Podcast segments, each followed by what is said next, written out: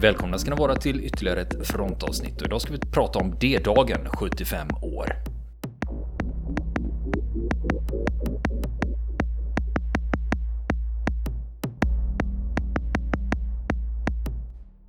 Och när vi ska prata om D-dagen, då har vi en av Sveriges främsta experter, Niklas Kristoffersson, som ligger bakom D-dagspodden och nu också har eh, lett resor nere i Normandie numera. Du har blivit lite reseledare. Ja, eh, en, eh, på ett sätt en dröm som har eh, växt fram, som eh, slog in här nu i april. Vi var nere ett gäng och eh, fick jag guida. Ja, men det var första gången. Så jag har, jag, har, eh, jag har guidat med kompisgäng och sånt tidigare, men den här gången var det ju i samarbete med ett resebolag, så att det var ju på seriös nivå helt enkelt. Var det många som anslöt sig? Vi var 12 stycken i gruppen har jag för mig. Om jag minns rätt var vi 11, ja 11 eller 12 stycken. Eh. Vad var det för besöksmål ni... Jag har faktiskt sett programmet, vad ni skulle göra. Mm. Det var en blandning mellan de traditionella platserna, eh, Omaha-stranden, eh, vissa museer uppe i St. Mary Glees, eh, Operation Pegasus Bridge, alltså eh, Operation Deadstick ska jag säga, eh, museet som ligger vid bron som heter Pegasusbron med mera. Men eh, lite tack vare att jag ändå har eh, studerat och skrivit och som sagt i min podd pratar om detaljer så kunde vi besöka de platser som inga turister eh, riktigt kommer till och prata lite grann om de platserna också. Det var rätt kul. Hur många dagar var ni där? Vi var eh, tre hela eh, guidedagar. Så första dagen var de brittiska stränderna, brittiska och kanadensiska stranden och eh, de luftburna trupperna på brittiska sidan. Andra dagen var helt fokuserad på Omaha-stranden och Point du Hoc. Och den tredje var eh, amerikanerna på Cotentin-halvön, eh, Cherbourg-halvön, alltså Jutastranden och de luftburna trupperna där. Så det, och det brukar vara en lagom eh, blandning, för att det är ju lite avstånd däremellan. Jag tror det är, kan det vara 7-8 mil eh, från ytterkanterna. Så det tar ju en stund att köra mellan platserna också.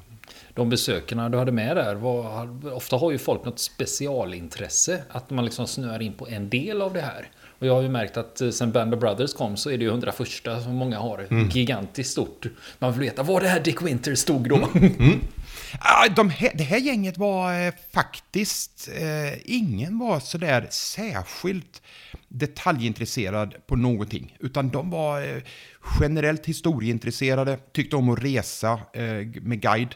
Eh, och eh, gör det mycket. Och så var de intresserade av andra världskriget och därmed eh, Normandie och D-dagen. Så det var faktiskt en ganska homogen grupp. Men annars har du rätt, det är ju... Eh, och det blev ju lite så att, att det är klart att vi stannar till där eh, E-kompaniet anföll eh, de här 4 10,5 cm kanonerna vid Bräckor Manor. Eh, vi stannade till eh, och pratade en hel del om, om eh, exakta platsen där andra rangerbataljonen C-kompani under kapten Ralph Goranssons ledning, det vill säga där eh, Tom Hanks och gänget anföll i filmen eh, Rädda meningen Ryan.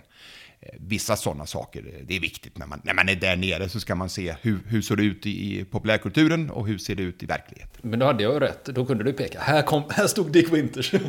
det var verkligen så. Ja. Det var verkligen så. Ja. Ja, men för, för att vara fräck att säga, en liten sanning med modifikation. De som äger den här gården, de har sedan länge tröttnat på turister.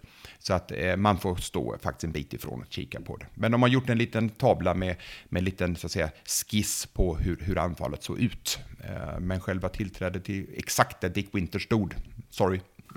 Ja, vad trevligt. Men eh, vi pratar ju för det, just idag är det 75 år sedan det dagen. Mm. Och det vi ska, vi har ju redan gjort en serie på fyra avsnitt eh, med dig. Mm. Där vi pratar det dagen och inget annat. Eh, och det, du ska veta att den ligger med på topplistan över våra mest avlyssnade avsnitt. ja. Och det är ju jättekul. Ja, så att, men det ska vi inte prata om idag, utan idag är det mer arvet från det dagen. Mm. För nu har vi liksom nu har vi 75 år att ja. titta tillbaka till och veteranerna börjar ta slut. Ja. Och det har ju också fått en enorm påverkan inom populärkulturen. Mm. Och där finns ju vissa saker som skriver historien. Och i, vi tillhör ju den västerländska kultursfären. Mm. Så att vi är ju väldigt påverkade av att vad är det... Förr hade vi ju den längsta dagen. Mm. eh, den svartvita filmen med John Wayne och, mm. och gubbarna. Historiens sämsta casting. ja, ja det, har, det har vi redan rätt ut ja. en gång. Men, och sen kom ju då Band of Brothers och mm. Meni Ryan. Och liksom, det är mm. det som liksom berättar eh, historien. Det är den som för med sig. Men det måste ju finnas mer grejer som påverkar vår bild av D-dagen. Ja, eh, tar vi utgångspunkten som du börjar med, eh, lite västerländska eh, eh, idéarvet och, och eh, kulturarvet när det kommer till historiska eh, skrivningar, så så är det ju inte så konstigt. D-dagen blir ju intressant för det var det ju bara så att säga de väst, västallierade och mot, mot eh, tyska försvaret. Eh, det andra är att det finns oerhört mycket material. Eh, det finns väldigt mycket att läsa eh, och som du nämnde ett antal filmer och tv-serier. Det blir nästan eh, självuppfyllt eh, det faktum att, att det är fokus på just D-dagen. Sen ska vi inte glömma bort att, att kriget som sådant eh, har ju sina olika skeenden. Eh, vi har ju starten, inledningen. Sen, sen kommer då operation Barbarossa när, när, när Tyskland anfaller Sovjetunionen. Sen var ju där ett fruktansvärt lidande och slakt konstant under flera år. Först österut och sen västerut. Eh, medan vi har några andra sådana här tillfällen där vi knyter upp resten av historien. Vi har till exempel Pearl Harbor som är ju klassiskt, det är ju ett, liksom en vändpunkt på ett sätt i kriget. Och då blir det dagen en sådan situation, för det är fokuserat på en plats, allt stod på spel och allt hände där. Sen, sen tog ju historien en ny vändning, om man uttrycker mig så, i kriget. Eh, så det är det ena perspektivet, eh, lite långrandigt här, men det andra är ju att, att väldigt mycket bygger ju också på arvet efter andra världskriget. Vår dagordning och vår ordning i världen, framförallt mellan väst och öst, med tanke på kalla kriget som kom efter andra världskriget. Då, då kan du ju spåra lite grann historien bakåt och konstatera, hade någonting annat hänt med, med anledning av det dagen så hade ju vår efterhistoria sett annorlunda ut. Eh, lite kontrafaktiskt. Men, eh, så därför tror jag att det, det har betydelse. Hur står sig D-dagen idag då? Ja, det är ju stort. Eh, det för dig? Ja, ja det är för mig. Eh, men jag, jag, märker ju just när jag har min egen podcast och gör den precis som, som, eh, som väldigt många andra som, jobb, som gör sådana här eh, Alltså jag gör det på fritiden och jag, jag tycker för det, det är roligt. Men jag märker ju stort engagemang. Eh, man stöter på människor eller, eller eh, jag får liksom mail med jobbet. Åh, oh, nu har jag tipsat min fru som tittade på den här dokumentären att du har den här podcasten och så vidare. Och så vidare. Så det, det finns ju en hel del eh, intressant eh, trots allt att, att titta på. Sen, sen kommer vi tillbaka varför jag är så intresserad av detta. Det är ju det, storleken. Allt hände på en begränsad yta. Väldigt många människoöden som, som, som liksom vi vet väldigt mycket om. Eh, som, som, som levde och dog den dagen där nere på den platsen. Eh, och jag tror att, att eh, det blir lite grann eh, en koncentration av den klassiska eh, historiska och kulturella eh, motsatsen mellan gott och ont. Det vi har en god sida, vi har en ond sida. Eh, sen måste vi titta bakom den och konstatera att den onda sidan, Nazisttyskland, bestod av, av oskyldiga eh, bondsöner från Düsseldorf som, som hade tvingats in i armén och slogs. Men på något sätt är det ändå gott mot ont och då, då passar den väl in i vårt kulturella arv. Det tror jag, den historien. Mm. Nu är det ju 75 år sedan och eh, jag har läst att det är massa olika jippon där nere. Speciellt, men det finns ju vissa saker som också är återkommande som man genomför varje år. När det kommer dit lite amerikanska veteraner och Ja, jag har, eh, eh, jag har ju inte varit där den 6 juni tidigare, eller någon gång. Och lite grann tar jag lite lugnt på det, för att, att jag vet av erfarenhet att Eh, det är inte så lätt att ta sig mellan de olika aktiviteterna. Så att eh, är man där den 6 juni så får man ofta bestämma sig att vara på en eller två av de här platserna. Eh, för det går nästan inte att ta sig mellan. De olika, olika jippona. Men å andra sidan så har de jippon i flera dagar. I år har de, vet jag, samlat i stort sett varenda flygande DC-3, alltså de här Dakotas. Skytrains. Skytrain, som är precis vad jag tänkte säga. Det är, amerikanerna döpte den till Skytrain, det är engelsmännen som heter Dakota. det, vilket jag också lärt på sistone, att det är Shermans, alltså stridsvagnen, eh, M4, som amerikanerna använder, det är ju faktiskt britterna som har, som har döpt den från början, även om sen amerikanerna adopterade det namnet. hade jag ingen aning om. Så det är många sådana här namn på vapen från andra världskriget kommer från britternas. Eh, har döpt dem helt enkelt. Tillbaka, eh, de har samlat eh, nästan alla levande, eller förlåt, levande, alltså kvar eh, DC-3 som, som, som är flyger fortfarande. Som var med där? Ja, en del, någon var med. Men framförallt har de ju då, det finns en, en, en, en svensk kärra, vet jag, som, som upprätthålls av, av entusiaster här i Sverige. Är det Daisy? Ja, och den eh, tror jag var med, eh, i, i varje fall under kriget där nere. Eh, jag kan inte den historien tillräckligt mycket. Men det är ju en sån exempel att de, de, de samlar helt enkelt alla DC3 och gör ett jippo av den. Eh, sen är det ju koncentrerat till exempel att, att eh, den amerikanska 82 divisionens eh, har ju alltid väldigt mycket stark närvaro i St. Mary Glees. Eh, där de, det var ju deras så att säga, centerpunkt under det dagen. Eh, och, och eh, de har alltid eh, skickat dit väldigt mycket av sina aktiva soldater idag. Eh, sen nämnde du veteranerna, tyvärr är det, och det är ju förståeligt, det är 75 år sedan de var 20 år och även om du lever så är inte resan från, från Baltimore, om du bor där nu, eller vad det nu är för någonting, till Normandie så enkel att göra längre. Så att det, det är väldigt få veteraner som är kvar där. Jag hörde att en, eh, jag har läst om det, jag, vi har inte sett det än, men det var att en av veteranerna faktiskt tänkte genomföra ett eh, fallskärmshopp. Ja, jag läste också det. Han är väl 94? Helt livsfarligt skulle jag säga. Alltså med höftlederna. Ja, ja, för det är ju, även om du har fallskärm så att säga, och det går bra, så är det ju ändå rätt fart du har när du, när du landar. Men det är klart, eh, vissa, vissa är ju unikum. Ja, de spänner fast rullatorn. Ja, precis. Och sen, jag menar, sen har ju britterna har ju, har ju sina aktiviteter på stränderna och, och eh, prins Charles brukar ju alltid vara eh, där närvarande den 6 juni. Det är ju för att han är ju Colonel in Chief, the, the Parachute Regiment. Alltså, eh, vad som, jag vet inte riktigt, vi har väl inget eh, motsvarande, heders, hedersöverste, kan man säga det. Sen lång tid tillbaka, sen 70-talet, så han är alltid på plats där den 6 juni. Drottningen brukade åka över tillsammans med sin, eh, sin lustjakt Britannia. Eh, och sen har de aktiviteter där. Eh, men idag är det ju mindre och mindre veteransammankomster och mer och mer naturligtvis eh, offentliga. Ja, jippon är väl ett, ett, ett uttryck. Men, men...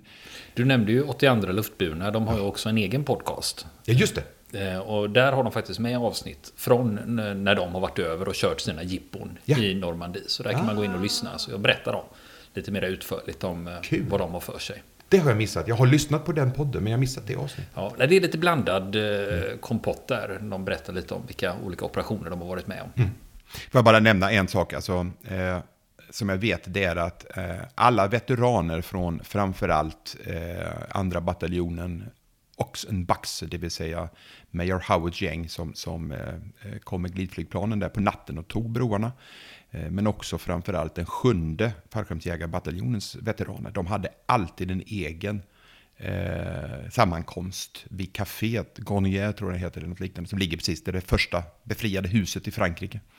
Eh, för på natten där hade ju eh, eh de som bodde där, de var delaktiga i motståndsrörelsen. Man använde det som förbandsplats. Och när tyskarna hade eh, intagit Frankrike 1940, då hade han grävt ner champagnen. Den grävdes upp där på natten. Så det har blivit en van tradition under alla år att veteranerna kom där klockan 00.15, kvart över. Och då drack de champagne, men det var bara till för veteranerna. Det vill säga de som verkligen hade varit på plats. Och sen har ju naturligtvis eh, det här paret, de var ju medelålders eh, 1944, de har ju avlidit och deras dotter tror jag inte heller lever heller längre. Eh, som, var, som var nyfödd vid det, väldigt liten med den tiden. Så hon drog, drev ju den här traditionen vidare. Eh, och det har då ersatts av lite större arrangerade jippon. För eh, nu när du var nere, du nämnde förut eh, när vi pratade innan vi började banda, du pratade om, att, om kvaliteten på museerna där. Ja. Att det är lite blandat. Ja, mycket blandat ska jag säga. Många museer, eh, fram till för några år sedan, eh, så att säga, eh, såg nästan likadana ut. Det är i stort sett en stor samling 60-talsdesign eh, och sen har de eh, placerat in eh, allt de har kunnat hitta på stränderna i form av hjälmar och, och skyltdockor med, med uniformer och, och patron, patroner och allt vad de kunnat liksom ha hittat. Mossigt, dammigt, så ska jag säga. Eh, något enstaka undantag eh, har det alltid varit och det är det, fram, det bästa museet jag tycker fortfarande det är det museet vid Pegasus Bridge. Eh, som, som handlar om britternas luftburna trupper och det. Eh, den här bron som i verkligheten de anföll, den står ju inne på museets eh, gård sedan, 20 år tillbaka eller något liknande. Men de sista åren har det hänt någonting. De har eh, till exempel det luftburna museet i St. Mary Glees som var, tyckte jag också, mossigt har de byggt till eh, med intressanta tillbyggnader. Modern, alltså med presentation och lite upplevelser. Eh, det är ett helt nytt museum ovanför Omastranden. Eh, precis vid, vid eh, infarten till, till eh, den amerikanska krigskyrkogården. Och de har, ett, har haft ett litet museum vid en lilla byn Saint Condemont som heter Dead Man's Corner egentligen händelseutvecklingen några dagar efter det dagen. Där har de byggt en, en ett helt nytt, eh, någon som de kallar för Airborne Experience, där man eh, så att säga, får sitta i en eh, flygplansliknande eh, så att säga, känslan av att med ljud och ljud och, och ljus och, och, och, lukt och doft och allt vad nu man har nu för tiden. Hur det kändes att sitta i ett av de här Skytrains. Dakotas medan tyskarna sköt på dem. Jag tyvärr, när jag var nere sist var biljetterna slut så jag har inte varit på det. Men det börjar hända saker, det börjar bli lite modernt, upplevelserna blir bättre än att bara gå omkring och titta på montrar. Mm. Ja, för det, men du menar att det har känts som lite överskottslager på en del ställen då? Ja.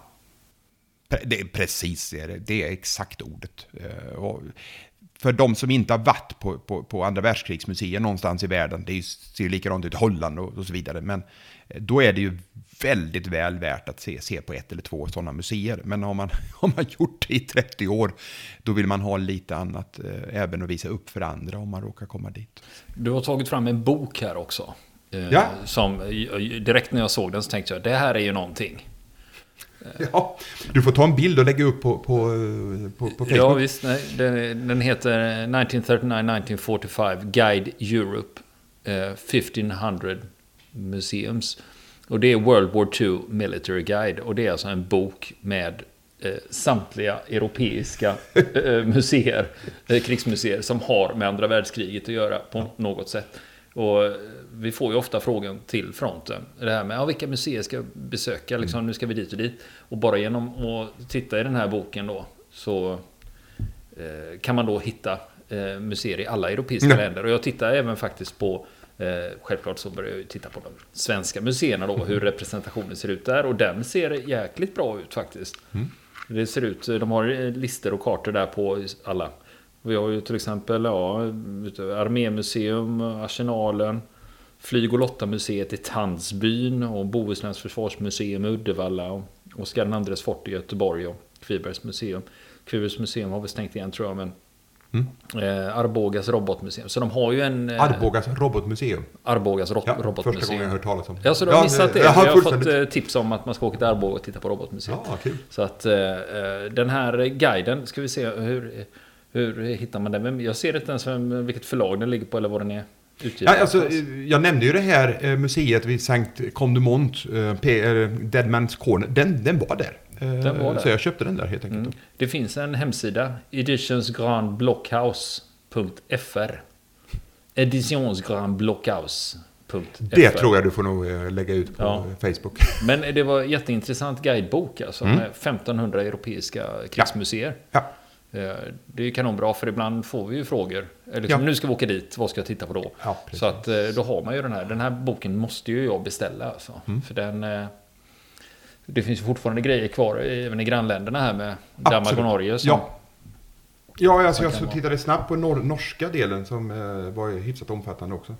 Här är ju ändå liksom ja, 20-25 sidor om, om Norge och Danmark med, med massa museer.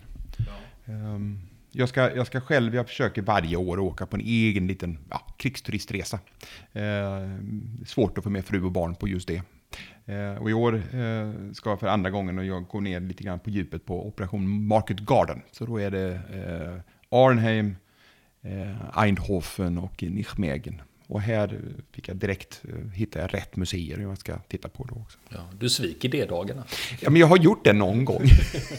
de sista, jag har ju varit i Normandie rätt mycket. Eh, de sista åren har jag, bland annat de sista två, tre åren var jag varit och tittat både vid slagfälten vid Verdun och i Somme.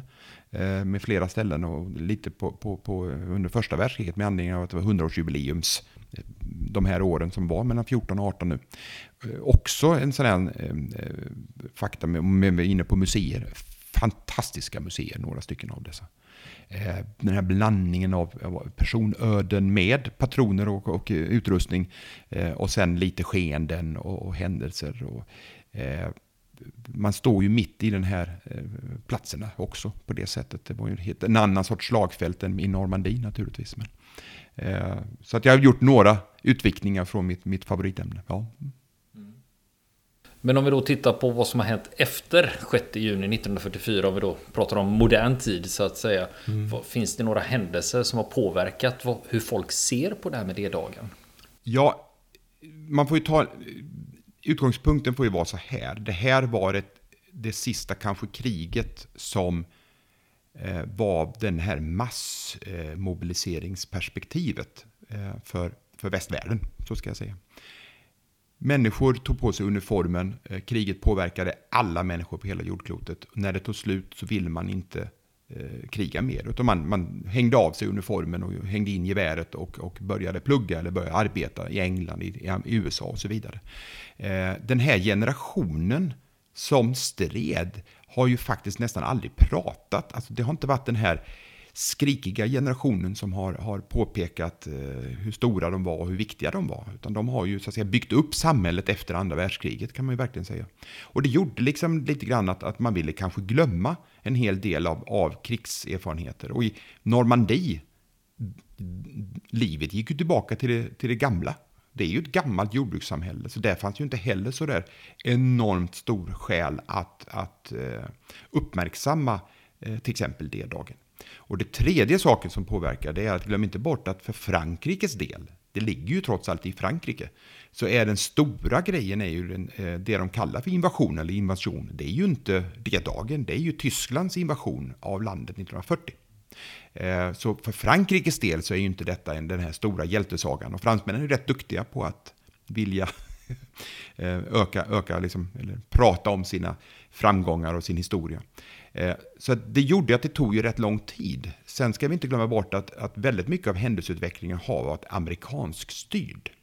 Tittar vi på böcker, filmer, så är det väldigt mycket kommer från USA. Och amerikanerna hade annat för sig på, först på, på 50-talet i Koreakriget. För sen ska vi inte prata om 60-talet och ännu högre grad efterbörden av Vietnamkriget på 70-talet. Så det var ju inte förrän på 80-talet man kunde börja igen prata om sin erfarenhet, krigserfarenhet eh, efter det här nationella traumat Vietnamkriget var.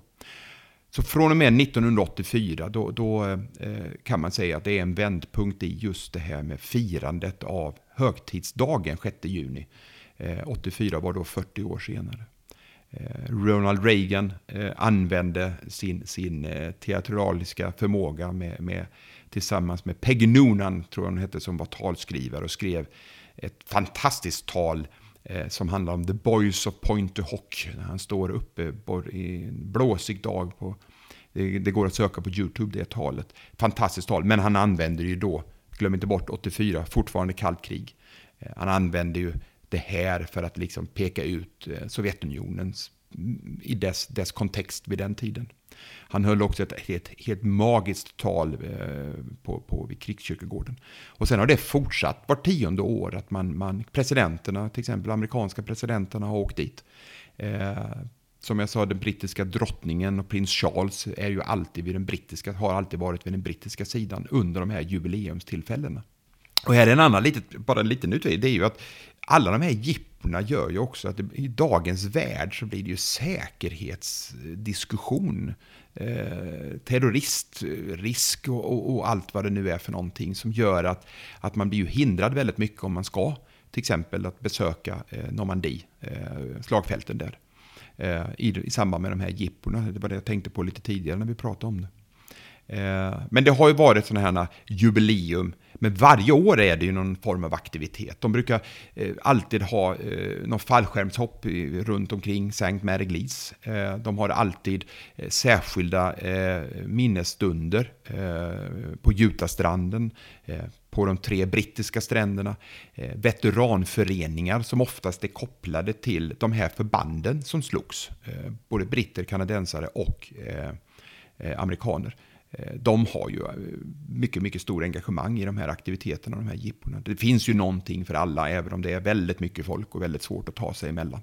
Mm. Men din rekommendation är att inte ta sig dit på de här eh, runt den 6 juni, utan man har god behållning av det under resten av året också. Ja, jag tycker det. Eh, den bästa tillfället, tycker jag, det är ju som när vi reste i april. Våren har kommit, det var lite kallt, men det är ju att eh, som, våren har inte kommit riktigt, sommaren har inte kommit igång, det vill säga växtligheten är relativt låg. Det vill säga, det ser lite bättre mer ut som det gjorde vid den här tiden. Eh, den 6 juni då, med tanke på att tyskarna hade ju tagit bort väldigt mycket av vegetationen eh, för att, att ha fria skottfält och då, då påminner det lite, lite, lite mer. Eh, sen är det ju så här att alla turister eller restauranger, det har man inte riktigt öppnat när man kommer där i april, maj. Men jag, en allmän rekommendation det är eh, ta hellre våren och kanske tidig höst. Eh, om man nu verkligen vill åka runt och hinna med och titta på saker. Ja, så är det. Och vi svenskar har väl inga problem med temperaturen även om Nej.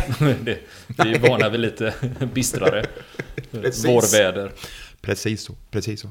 Eh, det kom ju en film här om året som heter Overlord. Som är tydligen någon blandning med någon zombiefilm och lite andra världskrigssoppa. är det något du har sett eller? Nej. Jag har blivit avrådd. Ja, jag, jag såg trailern och tänkte wow! Och sen efter ungefär 20 sekunder i trailern, nej. Så det, nej, det, jag, jag har inte ens sett. Nej, nej, men det är precis för det var samma reaktion. Jag tänkte, åh, den hette ju Overlord. Och jag tänkte ja. att, eh, men nu kanske det, nej. Och så blir det nej. något, det, så jag har lite svårt för det där när du blandar eh, historiska händelser och så slänger du in något övernaturligt eller någonting. Vilket är poppis de sista tio åren. Dessutom är det ju lite, hur ska jag säga, som vi vet när vi, det bara går tillbaka första gången man såg eh, Rädda menige Ryans första halvtimme där. Eh, alltså det, det, det är ju rätt, det, det räcker. Det är tillräckligt utan du behöver slänga in lite aliens eller, eller eh, vad det nu är för någonting du vill spicea upp eh, en film med, om jag uttrycker mig milt. Det är tillräckligt vad som händer i verkligheten om man säger så. Eh, sen eh, såg jag nu att, att det kommer ju Eh, ett antal, det är klart att det blir så att det blir eh, ett antal dokumentärer om det dagen. Eh, och i sedvanlig ordning så är ju det ofta lite tillrättalagt och många gånger försöker man få in så oerhört mycket information på kanske en halvtimme eller tre kvart att det blir väldigt schablonmässigt. Jag som är ju lite detaljnörd i det här sammanhanget hittar ju massa småfel och irritationsmoment. Men för alla som, som kanske inte har eh, sett eller kan någonting så är det ju jättebra att man, man, man sänder dokumentärer. Jag för mig någon berättar att man ska ju sända just Menige Ryan på den 6 juni idag. Ja, det kan jag tänka mig. SVT. Men du, du också, SVT Play hade ju en dokumentär, en liten kort dokumentärserie i två avsnitt. Mm. Som du inte var så nöjd med. Nej, men jag hittar ju... Man, det blir ju så att man, man, man kombinerar eh, de bilder man har eh, med, i det här fallet försökte man i, alla fall i första avsnittet att eh, utveckla eh, Eisenhowers chaufförs eh, betydelse och, och eh, hennes, eh, hon skrev ju en bok om sitt liv med Eisenhower. I själva verket var hon älskarinna och älskare. Eh, men det var hysch-hysch fram till Eisenhower dog. Eh, så hon på 70-talet så finns det någon känd intervju med henne när hon, hon eh, beskriver hennes förhållande. Och det har de tagit upp lite grann i den här eh, dokumentären. Sen, sen är det en massa löjliga fel, alltså, som för mig är bara irriterande.